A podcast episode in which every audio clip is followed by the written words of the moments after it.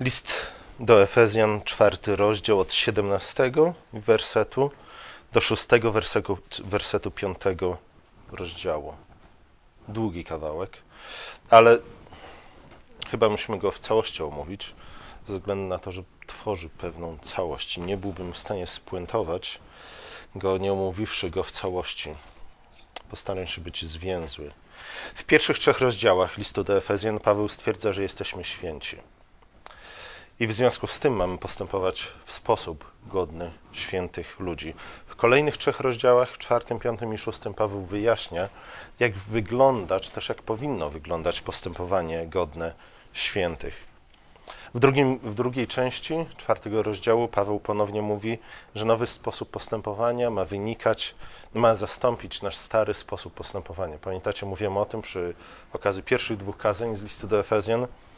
Tam właśnie Paweł y, stwierdzał, iż y, chodziliśmy w jeden sposób, postępowaliśmy w jeden sposób, kiedy byliśmy wrogami Chrystusa, ale teraz musimy postępować w inny sposób. Drugi, dru, drugi rozdział, chyba najbardziej znany z listu do Efezjan, w dziesiątym wersecie czytamy: Jego bowiem dziełem jesteśmy stworzeni w Chrystusie Jezusie do dobrych uczynków, do których przeznaczył nas Bóg, abyśmy w nich chodzili. Cały list Pawła właśnie polega na tym, aby przypomnieć Efesjanom, w jaki sposób mają postępować, ze względu na to, kim są i co otrzymali w Chrystusie. W wersetach 17 do 19 czwartego rozdziału przeczytam je. Tak więc mówię i zaklinam Pana na Pana, abyście już więcej nie postępowali, jak poganie postępują w próżności umysłu waszego, mając przyćmiony umysł i dalece od życia Bożego, przez nieświadomość, które jest w nich, przez zatwardziałość serca. Mając umysł przytępiony, oddali, oddali się rozpuście, dopuszczając się wszelkiej nieczystości z chciwością. Na pierwszy rzut oka mogłoby się zdawać, że złe postępowanie wynika z braku wiedzy. Tak? Tak niektórzy Grecy starożytni twierdzili, że wystarczy człowieka poinstruować, aby zaczął postępować we właściwy sposób. Pismo Święte jednak w inny sposób mówi o głupocie. Głupota nie jest przede wszystkim brakiem wiedzy. Oczywiście brak wiedzy może e, skutkować głupotą, zgadza się? O tym mówi cała księga, na przykład yy, przypowieści. Nie? Prawo Boże zostało nam dane po to, aby nas poinstruować na ten temat, na temat tego, jak mamy żyć w świecie stworzonym przez Boga. Jednak Psalm, Psalm 14 wyraźnie y, podaje nam biblijną definicję głupoty, która w zdecydowany sposób różni się od tego, co moglibyśmy nazwać świecką definicją głupoty. Głupi to człowiek, który mówi w swoim sercu nie ma Boga. Taki człowiek jest znieprawiony i popełnia ohydne czyny. Głupi to ten, który mówi, że nie ma Boga. Pierwszy rozdział listu do Rzymian stwierdza w gruncie rzeczy dokładnie to samo. Dlaczego ludzie y, y, zgłupieli? No, pierwszym krokiem na odrzuceniu, y, na drodze do odrzucenia mądrości, czy też na drodze do głupoty jest właśnie zaprzeczenie istnieniu Boga, albo przynajmniej stwierdzenie, że Bóg nie jest nam do niczego potrzebny, do niczego potrzebny w tym życiu. Złe postępowanie, głupie postępowanie, postępowanie, które prowadzi do zła i do wszelkiej szkody, jest wynikiem właśnie tego pierwszego stwierdzenia, że nie potrzebuję Boga, aby dobrze żyć, aby mi się powodziło. A zatem problemem moralnej głupoty, nie, o tym już mówiłem, Księga Przypowieści nie, wiele mówi na temat głupoty i na temat mądrości, ale stwierdza nie tylko to, że brak wiedzy jest, y, skutkuje głupotą. Nie? Raczej mówi nam o tym, że nie chcemy się uczyć, nie chcemy przyswajać prawdziwej wiedzy, nie chcemy poznawać prawdy, dlatego że jesteśmy zbuntowani w stosunku do Boga, dlatego że odrzucamy Jego słowo, nie? a to z kolei dopiero rodzi głupie czyny i złe postępowanie. Inteligencja zatem, nie? zobaczcie, nawet gdy myślimy o zbawieniu, powinniśmy, nie powinniśmy myśleć o zbawieniu w kategoriach y, wiedzy, Zbawienie nie jest funkcją intelektualnego poznania. Niestety wiele kościołów nie, wydaje się w ten sposób postrzegać zbawienie jako funkcję intelektualnego poznania. Zanim ochrzcimy cię, zanim przyłączymy cię do kościoła, musisz odbyć takie i takie kursy katechetyczne, Nie? Musisz posiąść pewną wiedzę i dopiero wtedy się upewnimy, że jesteś prawdziwie człowiekiem odrodzonym. Pismo Święte w ten sposób nie mówi o zbawieniu, przynajmniej e, w tym wąskim znaczeniu słowa zbawienie, nie? jako odwrócenie się od e, diabła, a zwrócenie się ku Bogu. Nie? Oczywiście zbawienie ma wiele do czynienia z poznaniem, także z poznaniem intelektualnym, dlatego Pismo Święte jest księgą tak grubą. Nie? I dlatego między innymi znajdujemy tam księgę przypowieści. Nie?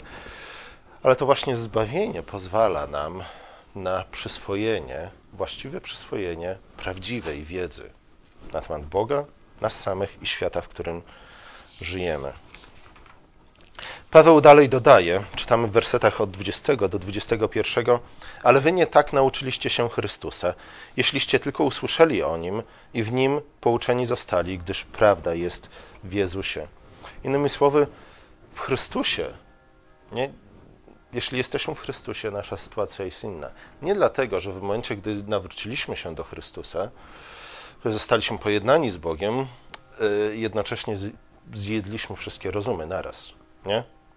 Ktoś dał nam tabletkę, dzięki której przyswoliliśmy sobie wszystko. Nie? nie o to chodzi w tym stwierdzeniu. W tym stwierdzeniu chodzi o to, że jeśli jesteśmy pojednani z Bogiem, to zobaczcie, nie buntujemy się przeciwko Bogu, a tym samym nie odrzucamy Bożej prawdy. Jest w naszych sercach bojaźń Boża, która sprawia, że co? Która jest początkiem mądrości, początkiem prawdziwego poznania. Dalej od 22 do 24 wersetu czytamy Zewleczcie z siebie starego człowieka wraz z jego poprzednim postępowaniem, którego gubią zwodnicze żądze i odnówcie się w duchu umysłu waszego, a obleczcie się w nowego człowieka, który jest stworzony według Boga w sprawiedliwości i świętości prawdy. Ten fragment jest trudny do, do przetłumaczenia ze względu na to, że występują w nim bezokoliczniki, które można tłumaczyć zarówno jako, interpretować zarówno jako tryb orzekający, jak i, czy też oznajmujący, jak i rozkazujący. Można więc y, przeczytać ten tekst w ten sposób, nie? i to będzie także zgodne z oryginałem. Zewlekliście z siebie starego człowieka wraz z jego poprzednim postępowaniem, którego gubiły zwodnicze żądze, i odnowiliście się w duchu umysłu waszego Oblekliście się w nowego człowieka, który jest stworzony według Boga w sprawiedliwości i świętości prawdy. Które z tych tłumaczeń musimy wybrać? Żadnego, a w zasadzie oba. Nie? Oba są słuszne, oba są prawdziwe, zwłaszcza w świetle tego, co już wcześniej powiedzieliśmy. Dlatego, że już wcześniej mówiliśmy o tym tak zwanym już, ale jeszcze nie. W Chrystusie już wszystko posiadamy, ale to nie znaczy, że nie możemy niczego więcej posiąść. Nie? W Chrystusie już jesteśmy święci, ale to nie znaczy, że nie możemy dostąpić jeszcze większego uświęcenia. Nie? W Chrystusie już jesteśmy otoczeni chwałą, ale to nie znaczy, że nie możemy się przemieniać z chwały w chwałę. To jest to, jak to się fachowo mówi, eschatologiczne już, ale jeszcze nie. Dlatego Paweł też mówi, ze względu na to nasza modlitwa ma mieć taki, a nie inny schemat. Mamy z jednej strony dziękować Bogu za dzieło, które w nas rozpoczął, ale właśnie na tej podstawie, w oparciu o, o, to, co Bóg już w naszym życiu dokonał, mamy modlić się o to, aby dopełnił i dokończył dzieło, które w nas rozpoczął.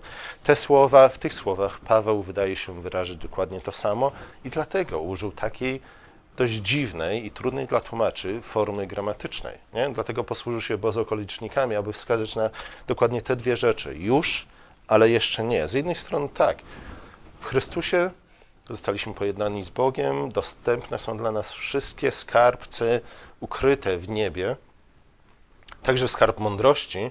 Chrystus jest naszą mądrością, jak pisze Paweł w liście do Koryntian, w pierwszym liście do Koryntian.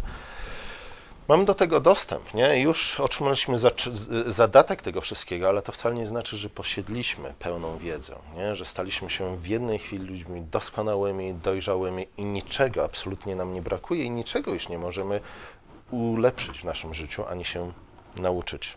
Jedno i drugie. Z drugiej strony, dlaczego, dlaczego Paweł może powiedzieć, że już jesteście święci, już to wszystko posiadacie?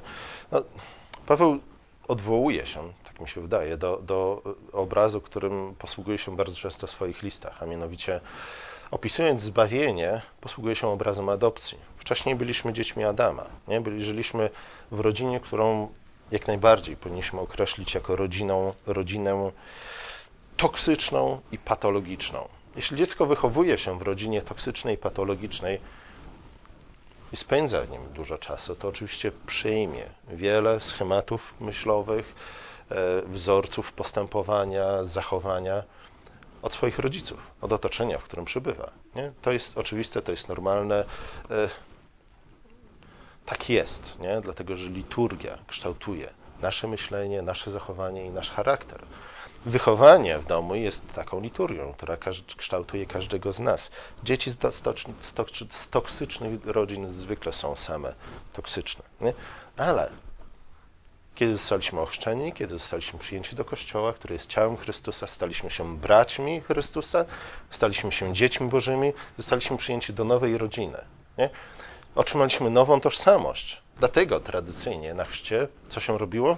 Nadawało się nowe imiona dzieciom, nie? które stawało się prawdziwym imieniem dziecka, po to, aby przypomnieć właśnie ten bardzo, bardzo przełomowy moment w życiu każdego ochrzczonego człowieka.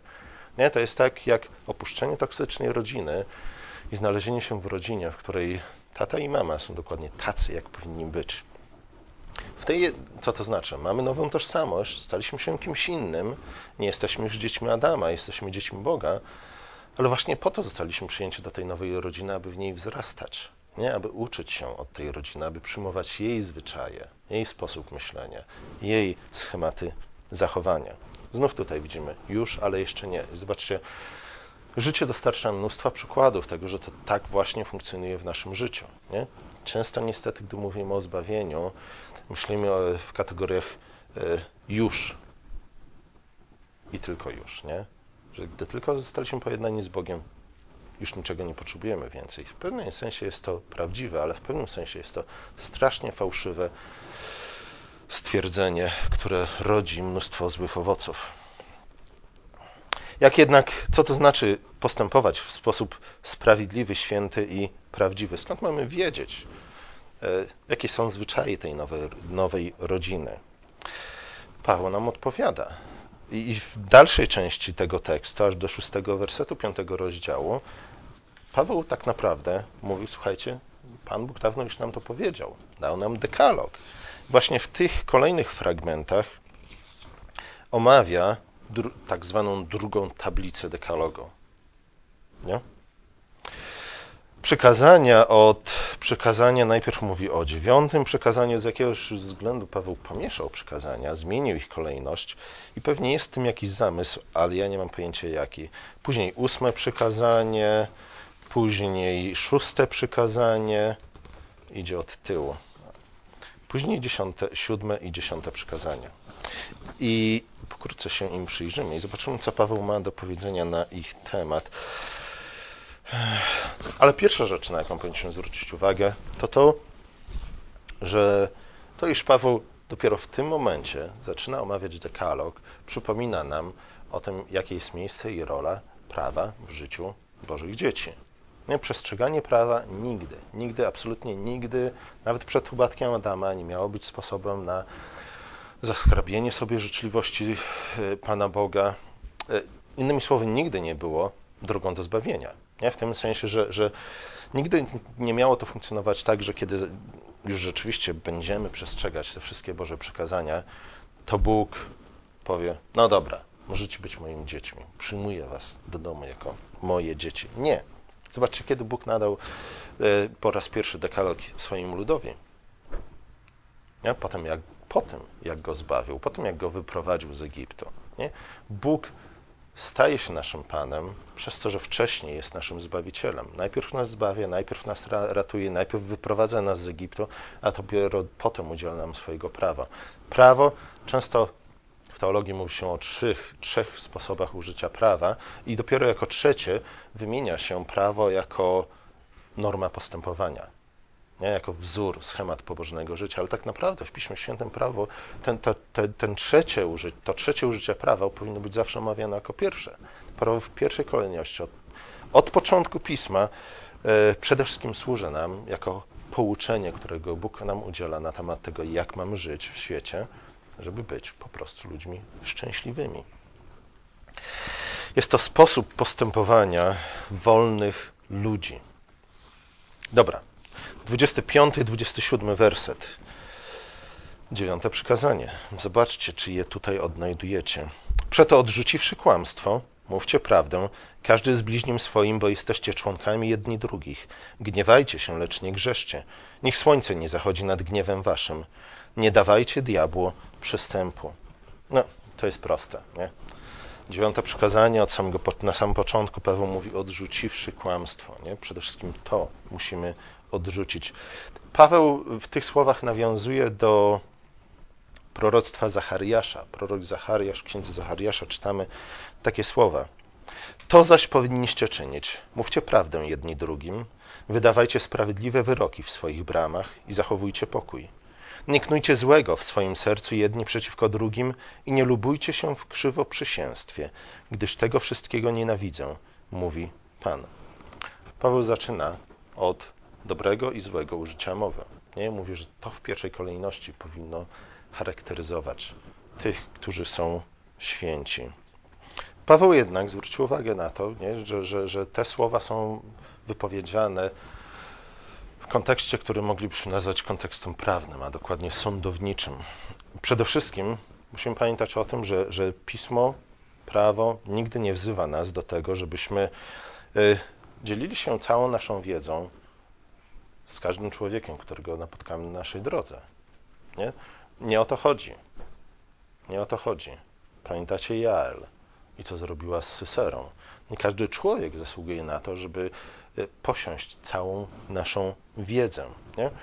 Dzielenie się prawdą w głupi sposób zawsze robi, rodzi złe owoce nie? i prowadzi do jeszcze większego zła. Czasami pewne rzeczy lepiej zatrzymać dla siebie i nie dzielić się nimi z innymi, dlatego że może to rodzić zło, a może to przynajmniej zranić, zgorszyć innych ludzi. Nie? Zatem zamiast budować relacje, niszczy relacje. Nie?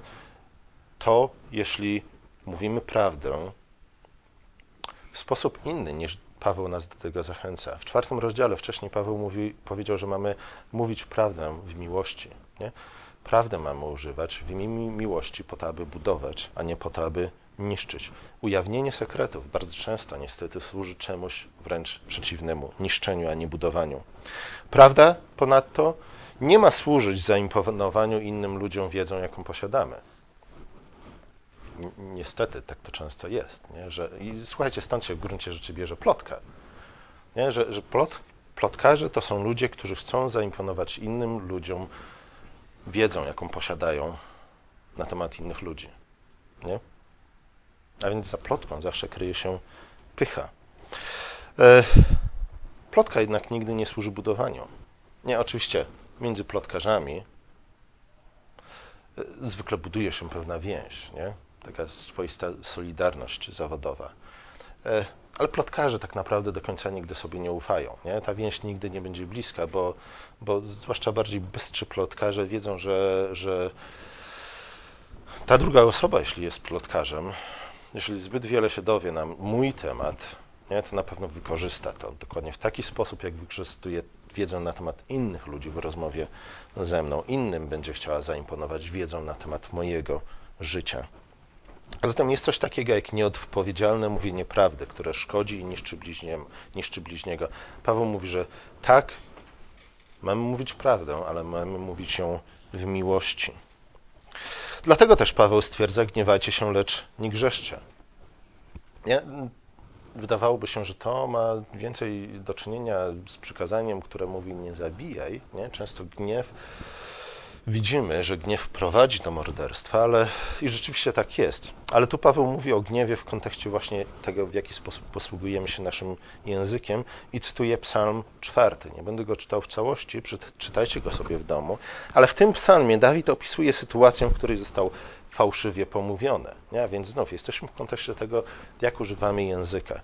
Dawid został fałszywie pomówiony i oskarżony przez ludzi, którzy chcieli mu zaszkodzić. W jaki sposób Paweł, Dawid reaguje? Oczywiście wie. Pierwsza, pierwsza spontaniczna reakcja na taką sytuację jest zawsze to, że chcemy odpłacić pięknym za nadobne.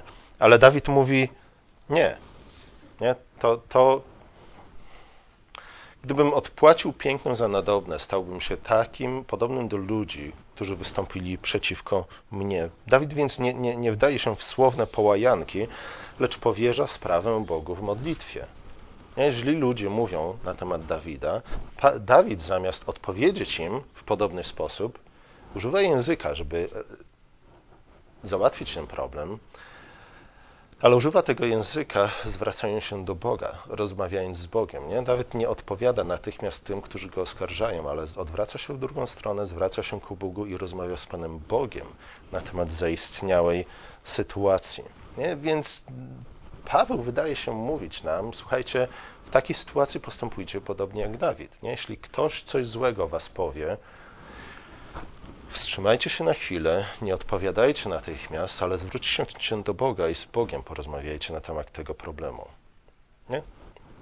To nie jest magia, w, ten, w tym sensie, że, że nie wystarczy pomodlić się do Pana Boga i cały nasz gniew minie. Nie? Z drugiej strony pamiętamy o tym, że jest coś takiego jak dobry, sprawiedliwy i mądry gniew. Nie? Ale posługiwać się gniewem w dobry, mądry i sprawiedliwy sposób, trzeba być naprawdę dojrzałym człowiekiem. Nie? To wymaga między innymi dojrzałości wiedzy, ale też modlitwy, czyli rozmowy z Bogiem, bo tylko rozmawiając z Panem Bogiem jesteśmy w stanie przetrawić to wszystko w naszej głowie, w naszym sercu i zareagować, odpowiedzieć naszym oskarżycielom we właściwy sposób. Następnie Paweł zwraca się do ósmego przykazania.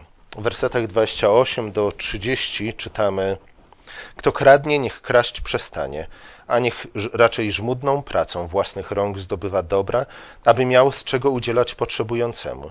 Niech żadne nieprzyzwoite słowo nie wychodzi z ust waszych, ale tylko dobre, które może budować, gdy zajdzie potrzeba, aby przyniosło błogosławieństwo tym, którzy go słuchają. Nie zasmucajcie Ducha Bożego, Bożego Ducha Świętego, którym zostaliście zapieczętowani na dzień odkupienia. Tutaj najpierw Paweł mówi ogólnie o kradzieży.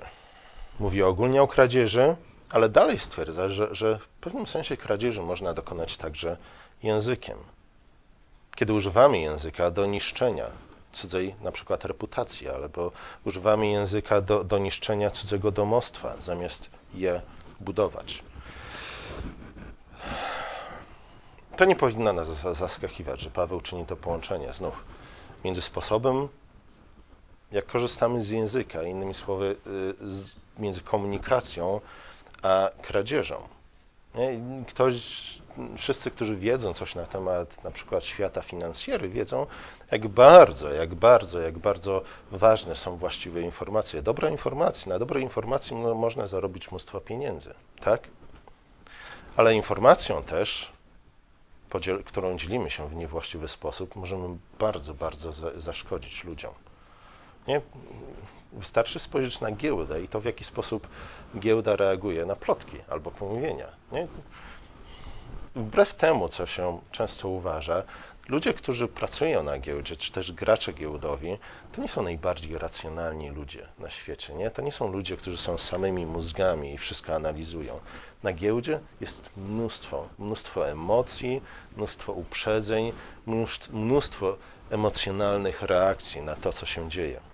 Dlatego między innymi, z jednej strony dobra informacja może posłużyć nam do dobrego zainwestowania, ale zobaczcie, ta informacja udzielona niewłaściwej osobie może prowadzić do czego? Do unieważnienia transakcji, a nawet do uwięzienia tego, który handluje informacjami, którymi nie powinien się dzielić z innymi ludźmi. Z drugiej strony, zła informacja może prowadzić do wielkich strat. Język może czynić dobro i może czynić zło. Językiem możemy pozbawić ludzi nie tylko dobrego imienia, ale możemy pozbawić też ich majątku. Z drugiej strony, Paweł mówi, że lekarstwem na to jest dobroczynność. Nie, wróćmy się. Z jednej strony mówi, co zrobić? Nie.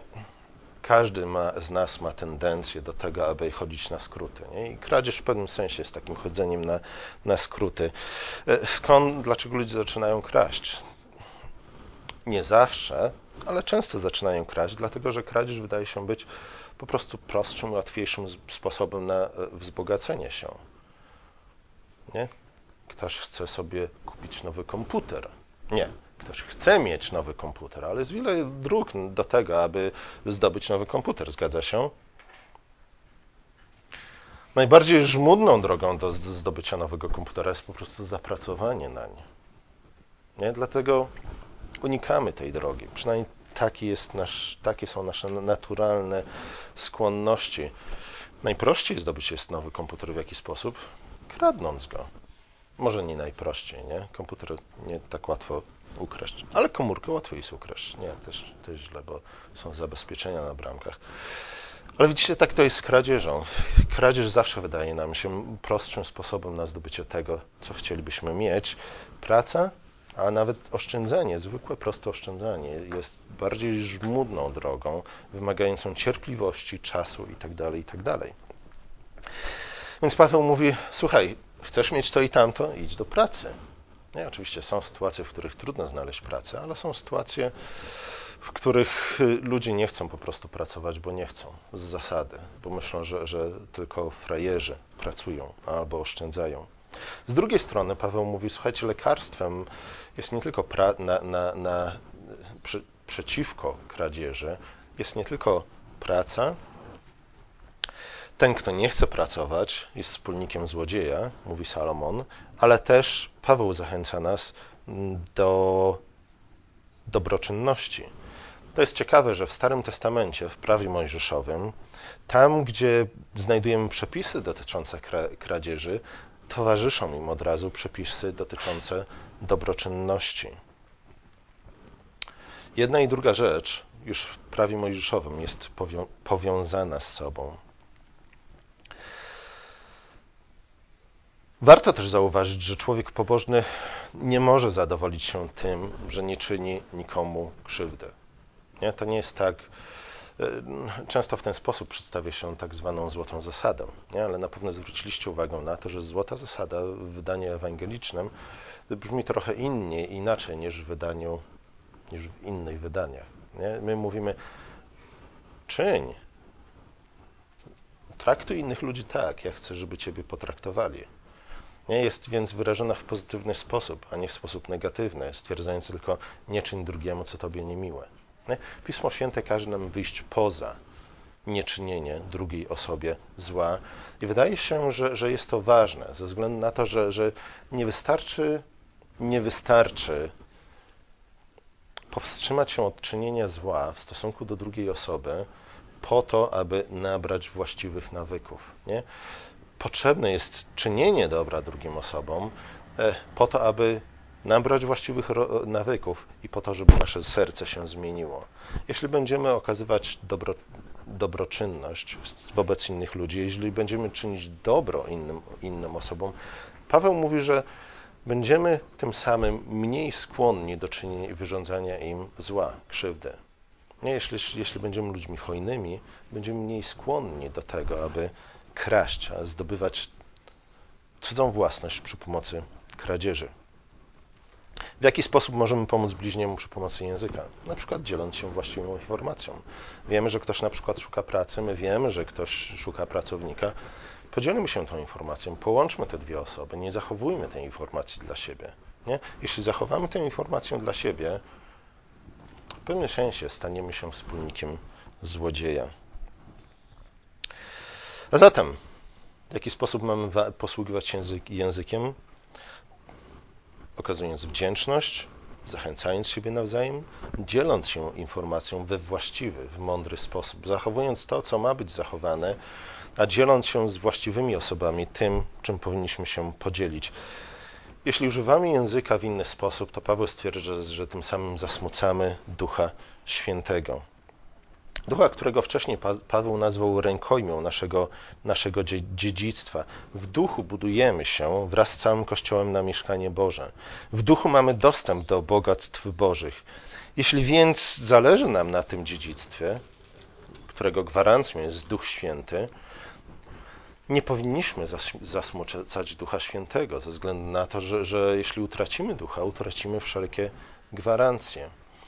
E, nie podnośmy więc ani języka, ani ręki, ani nogi, ani niczego innego na cudze dziedzictwo, nie? na to, co należy do innych osób, dlatego że jeśli w ten sposób zaczniemy postępować, Bóg sam pozbawi dziedzictwa, nasz, którym nas obdarzył w Chrystusie. Jeśli z premedytacją niszczymy cudzy kapitał, niszczymy cudze imię lub dom, to na jakiej podstawie oczekujemy, że Bóg nie pozbawi nas tego, co otrzymaliśmy w Chrystusie? Szóste przykazanie. Od 31 wersetu czwartego rozdziału do 5.2. Wszelka gorycz i zapalczywość i gniew i krzyk i złorzeczenie niech będą usunięte spośród was wraz z wszelką złością.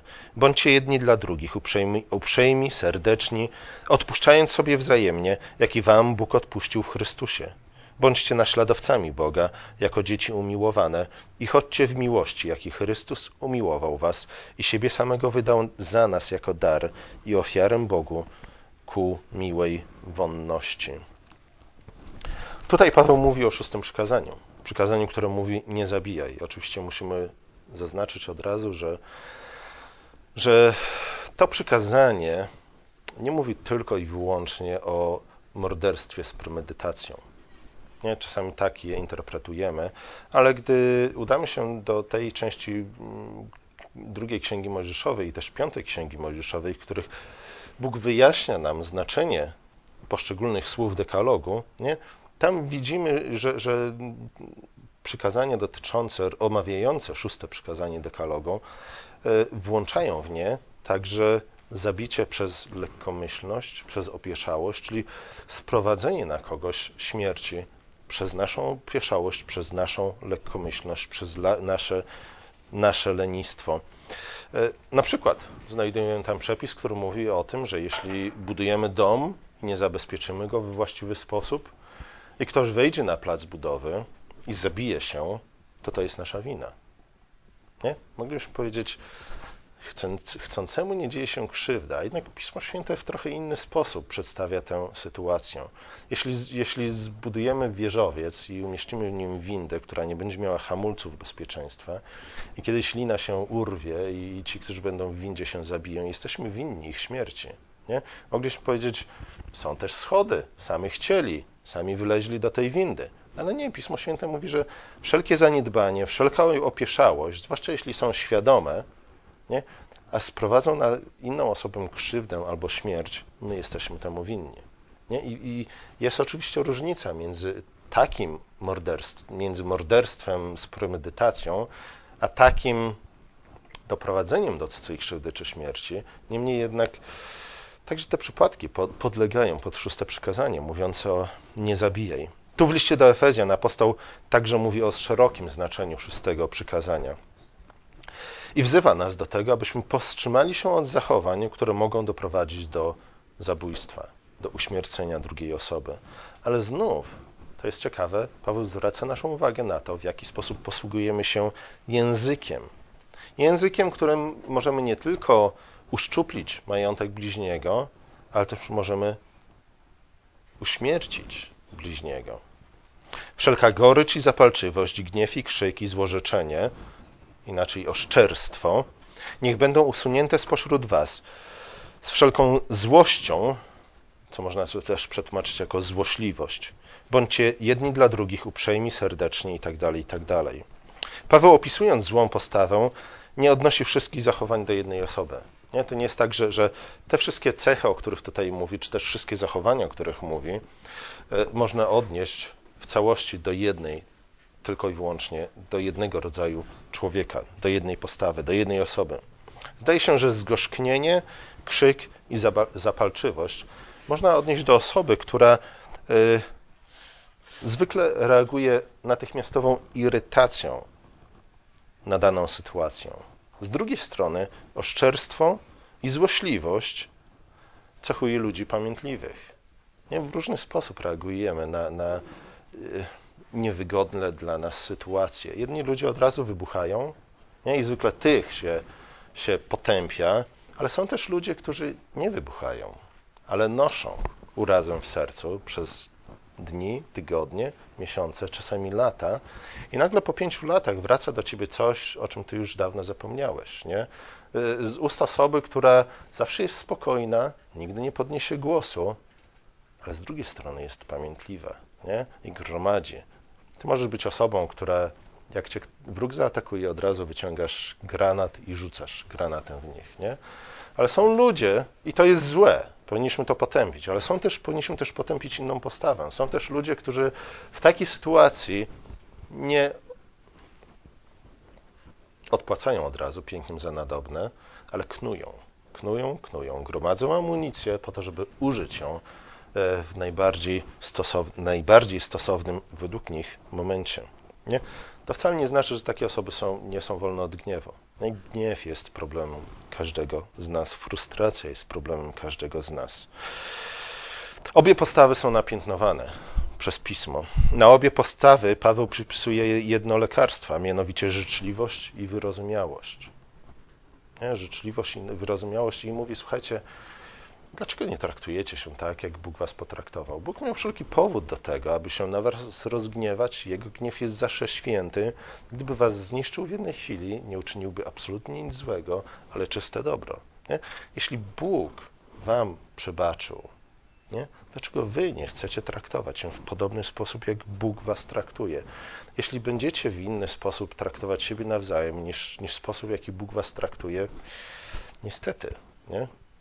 Skutkiem może być złamanie szóstego przykazania, które mówi nie zabijaj. Oczywiście musimy pamiętać o tym, że, że w Piśmie Świętym śmierć y, jest trochę inaczej zdefiniowana niż my to definiujemy. Na pewno jest inaczej, o wiele szerzej zdefiniowana niż definiuje to współczesna medycyna. Nie? Śmierć to nie jest co zaniknięcie prądu, przepływu prądu w komórkach nerwowych. Nie? To nie jest śmierć Piśmie Świętym. Tak, to też jest śmierć, ale, ale to jest tak naprawdę obraz prawdziwej śmierci. Prawdziwą śmiercią jest rozerwanie tego, co powinno być złączone.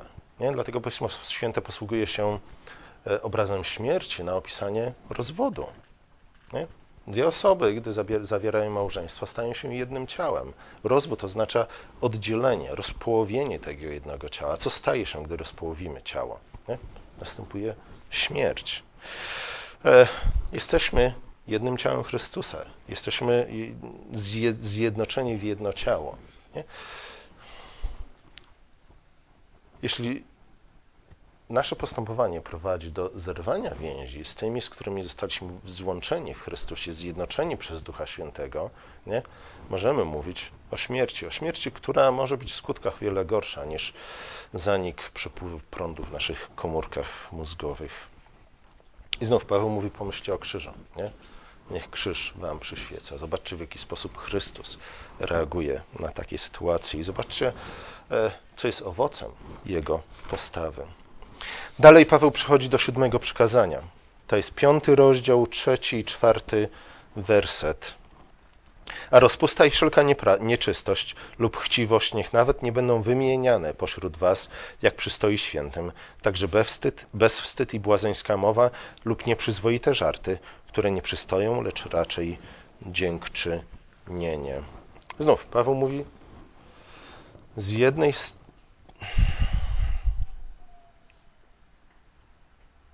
Paweł znów się koncentruje na języku i stwierdza, że, że lekarstwem na plugawą lub czczą gadaninę jest dziękczynienie. Nie, dziękczynienie chroni nas przed złamaniem siódmego przykazania. Mężczyzna, czy też mąż usatysfakcjonowany swoją żoną, raczej nie będzie pożądał żony bliźniego, nie będzie zawistny. Nie? Mąż, który jest, dziękuję Bogu za swoją żonę, jest o wiele mniej skłonny do tego, by złamać siódme, siódme przykazanie. To właśnie brak satysfakcji, a więc brak wdzięczności zwykle prowadzi do cudzołóstwa. Ponadto Paweł przestrzega nas przed takim sposobem rozmawiania o, o, o tych sprawach, który raczej sprzyja rozpuście niż ją ogranicza.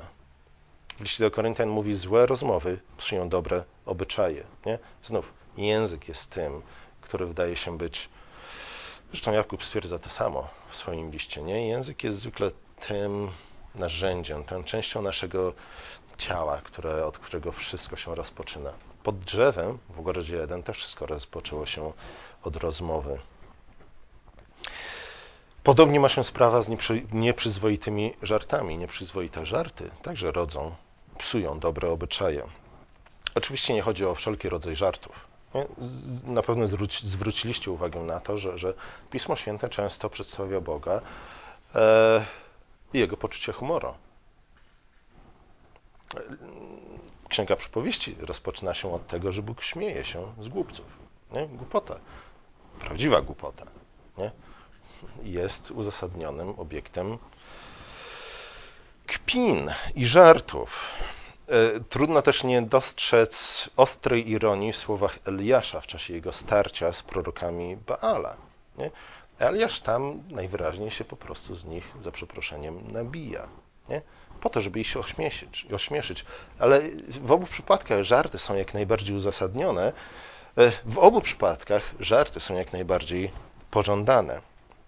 Czasami jednak mamy wątpliwości, czy dany żart lub kpina są na miejscu. Myślę, że, że dobrą zasadą którą warto się kierować, jest to, że, która pozwala odróżnić żart przyzwoity od nieprzyzwoitego, jest to, czy dany żart wspiera biblijne wartości, wspiera biblijne schematy zachowania. Zobaczcie, i Bóg, i Eliasz e, śmieją się z kogo? Z postępowania ludzi głupich. Nie? I znów wracamy do tego, co powiedzieliśmy na samym początku, w jaki sposób pismo, w jaki sposób pismo definiuje głupotę. Nie, nie, nie powinniśmy Y, mówić, a wolno śmiać się z głupich, nie? I podstawić pod, i na własny sposób zdefiniować, co to znaczy być głupym. Nie? nie powinniśmy śmiać się z ludzi, którzy posiadają inną nieco wiedzę niż my na dany temat. Nie mówić, a głupek, nie? Dlatego, że wtedy znów będziemy definiować głupotę w kategoriach niebiblijnych. Nie? Głupota w, w Biblii oznacza przede wszystkim brak bojaźni Bożej. Człowiek może nie mieć zbyt wielkiej wiedzy na ten czy inny temat, a być mądrzejszy od profesora, nie? członka Polskiej Akademii Nauk. Może być o wiele lepszym człowiekiem. Znów, czy dany żart wspiera biblijne wartości i schematy zachowania, czy też raczej je podkopuje i niszczy? Zatem żarty piętnujące kradzież, głupotę, brud, lenistwo itd. Tak można generalnie uznać za dobre i przydatne. Nie? Ale znów, żarty zwykle mają służyć budowaniu. Nie możemy być jak plotkarze, którzy budują poczucie własnej wartości i budują, próbują stanowić więzi z, z innymi plotkarzami kosztem innej osoby. Nie? Dobre żarty zawsze budują. Nie? I budują w dobry sposób. I budują yy, budują we właściwy sposób i nigdy to budowanie nie odbywa się cudzym kosztem. Nie wszystko, co nas śmieszy, jest dobre. Nie? O tym też powinniśmy pamiętać. Często nam się, mamy taką skłonność, jesteśmy ludźmi grzesznymi i, i, i sami często y, stajemy się sami dla siebie miarą dobra i zła. Nie? I wydaje nam się, że to, co nam się podoba, jest piękne. To, co nas śmieszy, jest dobrym żartem. Nie? Ale słuchajcie, Paweł mówi, że no, to nie do końca tak jest, nie? dlatego że, że Pismo Święte mówi, co jest naprawdę śmieszne. Pismo Święte mówi, co jest głupotą, a, a co jest mądrością. Nie? Pismo Święte mówi, co jest miarą prawdziwego pie piękna. Nie my. Oczywiście my możemy stać się tą, powiedzmy, miarą w pewnym sensie, pochodną miarą. Nie, to jest tak jak z linijką. Skąd wiemy, że moja linijka rzeczywiście wskazuje metr? Z każdej chwili mogę udać się dokąd? Do Paryża, tak? I przyłożyć moją linijkę do tego doskonałego wzorca metra. Nie? My możemy stać się takimi linijkami, ale stajemy się takimi linijkami, taką miarą tego, co dobre i złe, w miarę jak wzrastamy na podobieństwo Chrystusa. Nie? I rzeczywiście po jakimś czasie może się okazać tak, że, że zwykle będziemy reagować śmiechem na to, co naprawdę zasługuje na śmiech. Nie? I zwykle będziemy y, doceniać to, co naprawdę jest piękne. Ale tu nie ma automatyzmu. Nie wszystko, co nam się podoba, jest piękne i nie wszystko, co nas śmieszy, zasługuje na śmiech i jest dobrym żartem. I w końcu dziesiąte przykazanie, piąty i szósty werset piątego rozdziału. Gdyż to wiedzcie na pewno, że żaden rozpustnik albo nieczysty lub chciwiec, to znaczy bałwo, bałwochwalca, nie ma udziału w Królestwie Chrystusowym i Bożym. Niech was nikt nie zwodzi próżnymi słowy, z powodu nich bowiem spada gniew Boży na nieposłusznych synów. Apostoł stwierdza, że chciwość, czyli pożądanie, jest bałwochwalstwem. Dlaczego jest bałwochwalstwem? Ponieważ pożądanie polega na pragnieniu kogoś lub czegoś niż Chrystusa. Nie? Innymi słowy, zależy nam, nam na kimś albo czymś bardziej niż na Chrystusie. Już wcześniej ten wątek się pojawił, nie? kiedy mówiliśmy o, o dziedzictwie, którego gwarancją jest Duch Święty. Jeśli na kimś albo na czymś zależy nam bardziej na Chrystusie i Jego Królestwie, i, i na tym, co otrzymaliśmy już od Niego, to jesteśmy bałwochwalcami, dlatego że czcimy coś innego bardziej niż samego Chrystusa. Jeśli pożądam cudzej żony, pozycji lub majątku, to stwierdzam, że są one dla mnie ważniejsze niż królestwo. Jestem w stanie zaryzykować królestwa, nawet utracić królestwo, po to, żeby zdobyć te rzeczy, które akurat teraz mnie pociągają. Z drugiej strony, pożądanie jest też wyrazem braku satysfakcji z tego, co Chrystus nam dał. Dlatego warto jest przypomnieć sobie od czasu do czasu to, co otrzymaliśmy w Chrystusie. Nie? I okazać wdzięczność, dlatego że w ten sposób, przynajmniej taka jest biblijna psychologia, nie? E, stajemy się ludźmi coraz bardziej usatysfakcjonowanymi tym, co mamy. Ilustracją takiego zachowania może być Dawid, który uwiódł Batrzebę. Zdaniem proroka Natana, Dawid zachował się jak bogaty człowiek. Bogaty człowiek, który miał wielkie stada owiec, ale odebrał jedyną owieczkę biedaka. I takie niestety jest ludzkie serce. Nie? Jesteśmy już w Chrystusie, ale wciąż czasami pojawiają się w naszym sercu takie skłonności. E, w tym przejawia się moralna głupota i niedojrzałość, że dla zaspokojenia grzesznego pragnienia gotowi jesteśmy zaryzykować wieczność. Nie? Albo myślimy, że Bóg nie zobaczy, albo myślimy, że Bóg machnie ręką na to, co robimy. Nie? Ale Paweł mówi, słuchajcie, komu wiele dano, od tego wiele się y, żąda. Nie? Ci, a nam dano bardzo wiele. Od tego zaczyna się list do Efezjan. Paweł mówi, wszystko otrzymaliśmy. Nie? Więc to, że wszystko otrzymaliśmy, to, że Bóg był dla nas pobłażliwy i wciąż jest dla nas pobłażliwy i miłosierny, nie znaczy, że mamy postępować wbrew Jego woli, nie? cały czas licząc na Jego pobłażliwość. I znów, Paweł mówi, lekarstwem na zawiść jest y, pamięć o dziedzictwie, jakie otrzymaliśmy w Chrystusie i dziękczynienie za to dziedzictwo. Ze słów Pawła wynika to, że pobożność jest wynikiem ćwiczeń. Nie? A nie stanem, który w jakiś dziwny i mistyczny sposób nagle wstępuje na nas. Nie powinniśmy myśleć o tym, że fakt, iż kiedyś się nawróciliśmy do Chrystusa, uczynił nas ludźmi doskonałymi. Nie? To ustawiło nas, przestawiło nas na właściwy tor, nie? ale wciąż musimy posuwać się do przodu tym E, to też nie będzie tak, że, że staniemy się ludźmi pobożnymi, jeśli zamkniemy się w jakiejś jaskini, klasztorze, czy jeszcze gdzie indziej, nie? I nagle stąpi coś na nas, jakaś moc z nieba. I w naszym, z naszego serca znikną wszelkie złe pragnienia, nie? I, i wszelkie złe myśli. I, I cokolwiek od tej pory zrobimy, uczynimy, pomyślimy, powiemy, będzie doskonale pasować do miary Chrystusowej. Tak nigdy się nie dzieje. Nie? Ludzie, którzy dążą, czy też szukają takich doświadczeń, są po prostu w błędzie i nigdy nie czytali listu do Efezjan, przynajmniej nie ze zrozumieniem. Niestety taka jest tendencja wśród wielu chrześcijan. Nie? Takie czy inne mistyczne doświadczenie ma sprawić, że staniemy się ludźmi świętymi i każde słowo, które wypłynie od tej pory z naszych ust, będzie nienaruszalne, będzie słowem samego Boga. Paweł mówi nie, pobożność jest wynikiem ćwiczeń. Do pobożności mamy się doskonalić w pobożności. W jaki sposób? No w taki sposób. Masz problem z kradzieżą, idź do pracy i pomagaj bliźnim. Nie? To nie jest łatwe, to nie jest proste, to nie jest tabletka, którą możemy sobie połknąć i hop wszystko jest naprawione. Ale znów, tylko w ten sposób możemy dojść do dojrzałości i do pełni obrazu Chrystusa. Masz problem z gadulstwem i plotkarstwem? Rozmawiaj przede wszystkim z Bogiem w modlitwie, nie? a wtedy nauczysz się też właściwego sposobu rozmawiania z innymi ludźmi.